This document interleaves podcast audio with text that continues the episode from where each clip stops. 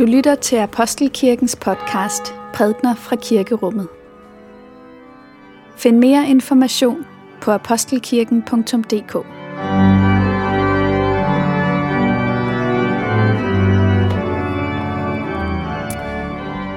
God aften alle sammen og velmødt til gudstjeneste her i Apostelkirken på denne solrige aften. Det er skatorsdag aften, og vi har været i den stille uge, og nu begynder det at tætte til. Nu er det, at lidelseshistorien for alvor begynder.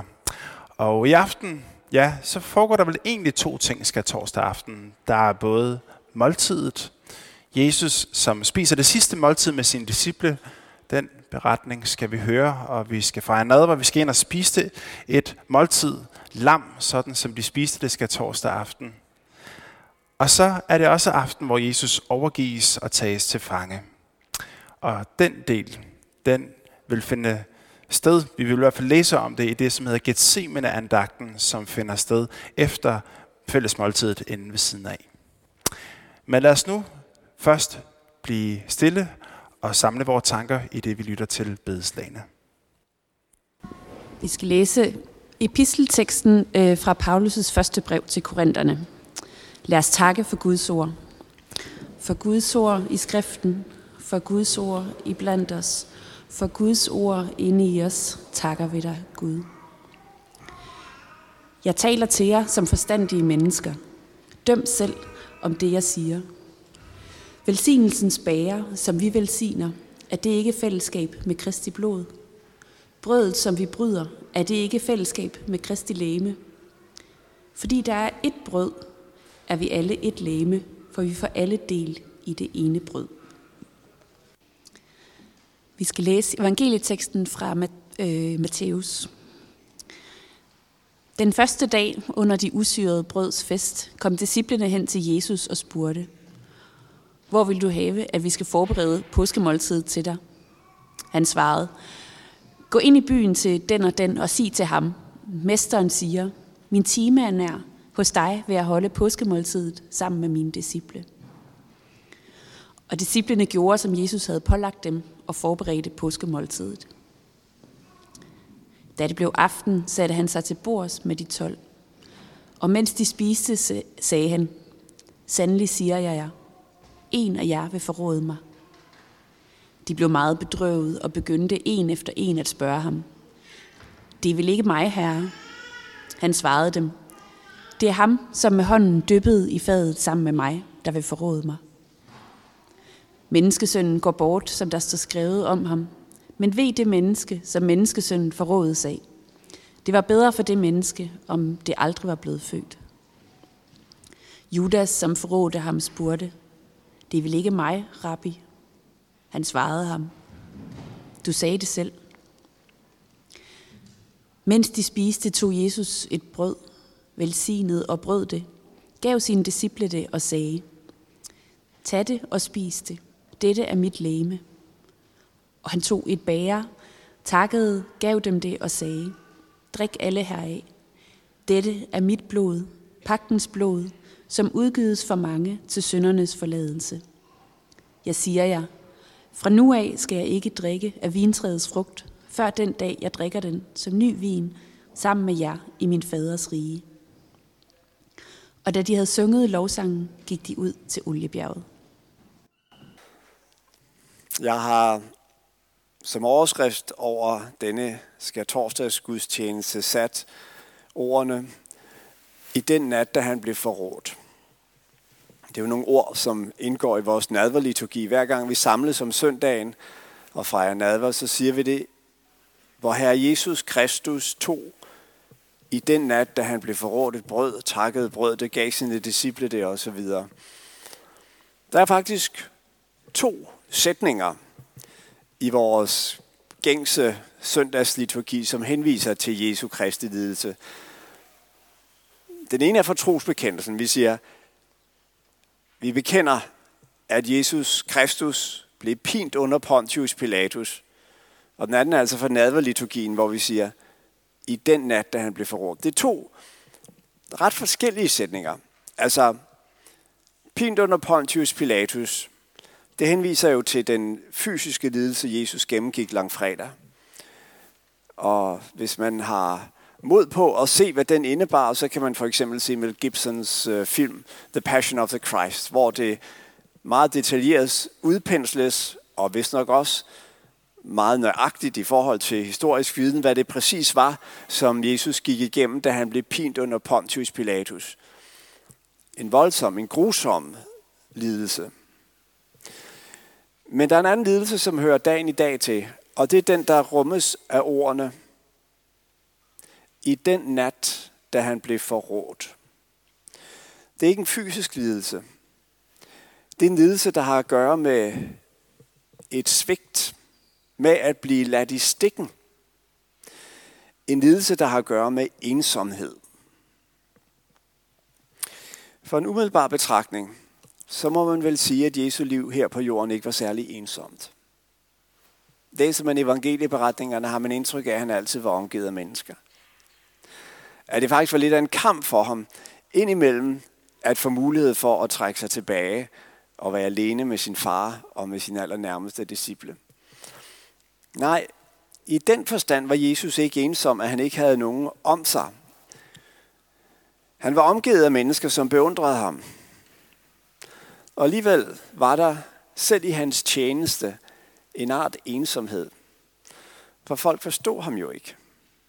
De blev draget mod ham, som er en magnetisk kraft, på grund af hans særlige evner. På grund af hans evne til at tale på en måde, som man så sig afsløret. På grund af hans visionære kraft. Men det, som var kernen i hans gerning hernede, kærlighedsoffret, stedfortrædelsen, ja, det gik han alene med. Og det gjorde han midt i denne, hvad skal man sige, sociale travlhed, i grunden var ensom. Og det er som om, at vi, når vi nu bevæger os tættere på langfredag, og i dag fejrer skær torsdag, så fornemmer vi, hvordan denne ensomhed begynder at snævre til som en trakt. I dag har han samlet sine disciple omkring bordet. Jeg har hjerteligt længtes efter at skulle spise dette måltid med jer, siger han.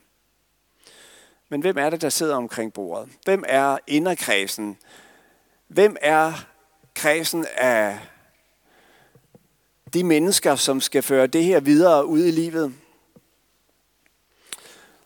Jo, ser vi et par timer frem, så falder de i søvn, mens Jesus kæmper sin ensomme kamp i Gethsemane have. Og derefter, da soldaterne dukker op, så flygter de en for en. De lader ham i stikken. Og derefter er der så endelig Peter, som har mod til at følge med ind i ypperste præstens gård, som benægter ham. Tre gange og banner på, at han ikke kender til ham, for ikke at nævne Judas, forræderen. Så i den forstand er Jesu livsvandring en vandring ind i stadig dybere erfaring af, erkendelse af, virkeliggørelse af ensomheden. Og det hele kulminerer i det øjeblik, han hænger på korset og siger, min Gud, min Gud, hvorfor har du forladt mig? Hvor Herre Jesus Kristus tog i den nat, da han blev forrådt et brød, siger vi, når vi indstifter nadvaren. Og hvad er det egentlig, som det siger om nadvaren? Ja, lad mig starte et lidt andet sted. Lad mig starte med at fortælle en historie. Nu har vi jo de sidste dage set så mange billeder fra Notre Dame. Og jeg kan en historie om en gammel ærkebiskop fra Notre Dame. Han hed Jean-Marie Lustiger og var ærkebiskop og kardinal, indtil han døde i 2007. I 2005 holdt han en tale, hvor han fortalte en beretning, som jeg gerne også vil fortælle for jer. Den går tilbage til 1935. Der er en gruppe af lystige drenge, som står uden for en kirke, de er sådan halvstore, og øh, som er i gang med at lave et vedemål. Og det, de ligesom væder om, det er, hvem af dem, der har mod til at gå ind og sætte sig i skriftestolen og lade som om, at de vi tror præsten, en hel masse ganske forfærdelige, graverende synder. Hvem har mod på at tage, det, tage den rolle på sig og spille det skuespil? Blandt drengene er der en, der hedder Aaron. Det er en jødisk dreng. Og øh, han siger, det tør jeg godt. Så han går ind i kirken, sætter sig i skriftestolen og begynder at fortælle om alle de grusomheder, som han altså angiveligt har udrettet i sit liv. Og præsten sidder derinde på den anden side og lytter og gennemskuer ham med det samme. Og da han har lyttet lidt, så siger han til ham, tak, det er nok. Jeg pålægger dig en bod. Du skal gå ind foran korset i den her kirke. Så skal du stille dig vendt mod korset, og så skal du tre gange sige, jeg ved, at du døde for mig, men jeg er ligeglad. Det er din opgave. Så den her dreng, han går så ind foran alderet og stiller sig op foran korset. Ja, han må jo føre den til enden, når han har sagt A, må man sige B. Og så siger han, øh, jeg ved, at du døde for mig, og jeg er ligeglad. Jeg ved, at du døde for mig, og jeg er ligeglad. Og så bryder han sammen. Og løber ud af kirken. Et forvandlet menneske. Da kardinal Lustiger fortalte den her historie, så tilføjede han, og jeg ved, at det er sandt, for den dreng, det var mig. Så det var altså denne lille dreng, som havde gennemlevet det her, der siden blev ærkebiskop af Paris. Hvad, hvad skete der i det øjeblik? Ja, det var korset, der manifesterede sin kraft. Men hvad er det for en kraft, som er i korset? Altså, det er jo helt tydeligt en anderledes kraft, for ham, der hænger på korset, han er jo netop afmægtig. Han er udleveret. Han har ikke nogen magtmidler til sin rådighed. Og alligevel, og netop derfor, i den afmagt er det som om, at en anden magt viser sig. En, en kærlighedens magt, som gør, at det menneske, som vender sig mod det, øh, før eller siden må vende sig indad og angre og vende sig om. I evangelieberetningerne om Jesu lidelse, der læser vi om flere mennesker, der håner Jesus. Men det er som om, at hver gang de håner ham, så kommer de til at sige noget sandt. Ikke? Når de håner ham og siger, andre kunne han frelse, sig selv kunne han ikke frelse. Ja, netop. Det er sådan Jesu Kristi kærlighed er. Han kunne ikke frelse sig selv. Hans kærlighed gjorde det umuligt for ham at frelse sig selv. Til gengæld kunne andre frelses. Pilatus skriver jødernes konge over korset, for ligesom at markere, altså, det er det, han bliver anklaget for. Og i virkeligheden ophøjer han ham. Han erklærer ham som konge. Og når de giver ham scepter i hånden og tornekrans på hovedet, så er det alt sammen forsøg på latterliggørelse, og dog er det en form for ophøjelse af ham. Det er den forvandlende kraft, der ligger i korset. Det er som om, at alt, hvad vi gør, det vender tilbage til os med en kraft og en forståelse, som vi ikke havde drømt om var i det. I den nat, hvor Herre Jesus Kristus blev forrådt, altså forræderiet, ydmygelsen, ensomheden, er en del af den kraft, som der ligger i Kristi kors. Og hvad gør det så ved vores nadverfejring? For i aften skal torsdag jo den aften, hvor Jesus indstiftede nadvaren, og om et øjeblik skal vi fejre nadver sammen. Hvad betyder det for vores tilegnelse af nadvaren, at det var i den nat, hvor Herre Jesus blev forrådt, at han tog brødet og brød det osv.? Jo, det betyder for det første, at nadvaren ikke er et fællesskab for de særligt gode, eller de særligt indvidede. det billede, der tegnes i evangeliet, er jo netop ikke et billede af, at her sidder den lille inderkreds af de trofaste og sande troende. Udenfor er den kolde og mørke verden, hvor det stormer og hvor ondskaben regerer. Nej, problemet er netop omkring bordet. Så det er det første. Nadverbordet er ikke et bord for de særlig gode eller de særlig indvidede. Men for det andet betyder det også, at vi, og det er noget Nytestamentet opfordrer os til, skal prøve os selv, når vi går til nadver. Paulus skriver om det i forlængelse af den tekst, vi læste til som episteltekst. Prøv jer selv, siger han, inden I går til nadver. Og hvordan er det så, at vi skal prøve os selv? Jo, jeg tror i virkeligheden, vi skal prøve, om vi synes, vi er for gode til det selskab.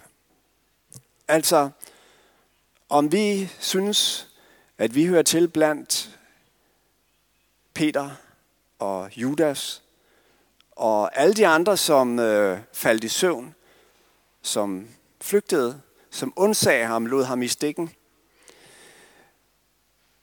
Om, om det er et perspektiv på vores liv, at vi også er mennesker, der har svigtet kærligheden. Ikke i Jesu Kristi lamlige form, da han gik hernede, men gennem forholdet til nogle af hans mindste små i verden. Nogle af de mennesker, som vi let overser, når vi bliver så optaget af at skulle fange andre menneskers opmærksomhed, som har betydning. Nogle af dem, som lader sig i stikken, når vi skal frem.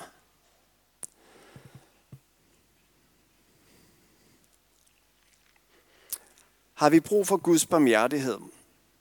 der er nadvaren rette sted for os at gå hen. Det kræver, at vi giver slip på vores egen tro på, at vi kan klare den, og giver skud i vold. At angre, at skrifte, at bekende sine synder. Det er måske ord, der kan virke øh, tunge og, og vanskelige at håndtere, for hvad vil det sige, hvad vil det sige at blive klar over, hvad man har gjort forkert? Hvordan når vi den erkendelse? Ja, nogle gange så er den erkendelse, vi må gøre, måske i virkeligheden, at vi er så åndeligt tungnemme.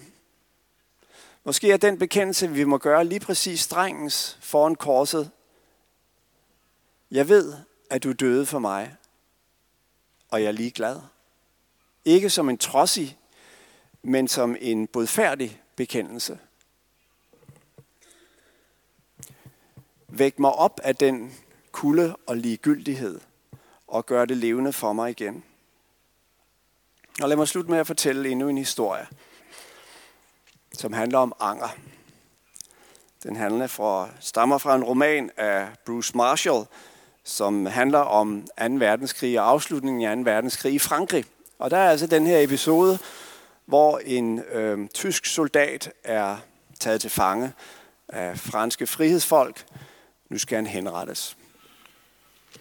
Inden han skal henrettes, så får han mulighed for at møde en præst.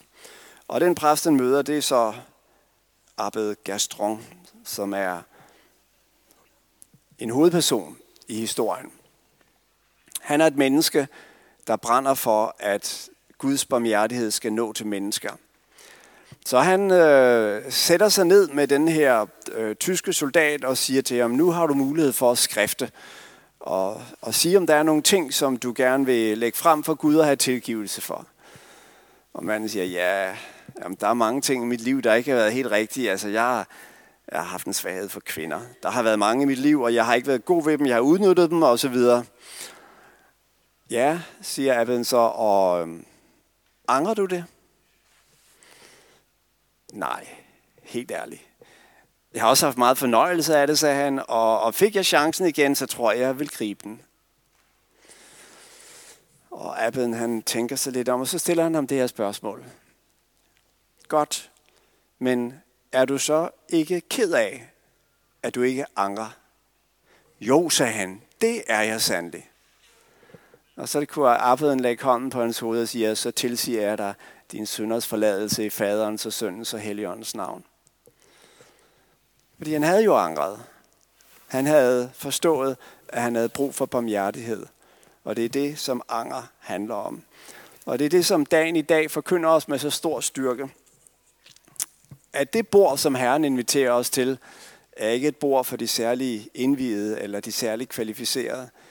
Det er et bord for et hvert menneske, der over for kærlighedens krav i vores liv må sige, vi klarer den ikke. Vi har brug for barmhjertighed. Der siger Herren til os, kom til mig. Det er det, jeg kom for at give jer. Lov og tak og evig ære være dig, vor Gud, Fader, Søn og Helligånd. Du som var og er og bliver en sand treenig Gud, højlovet fra første begyndelse, nu og i al evighed.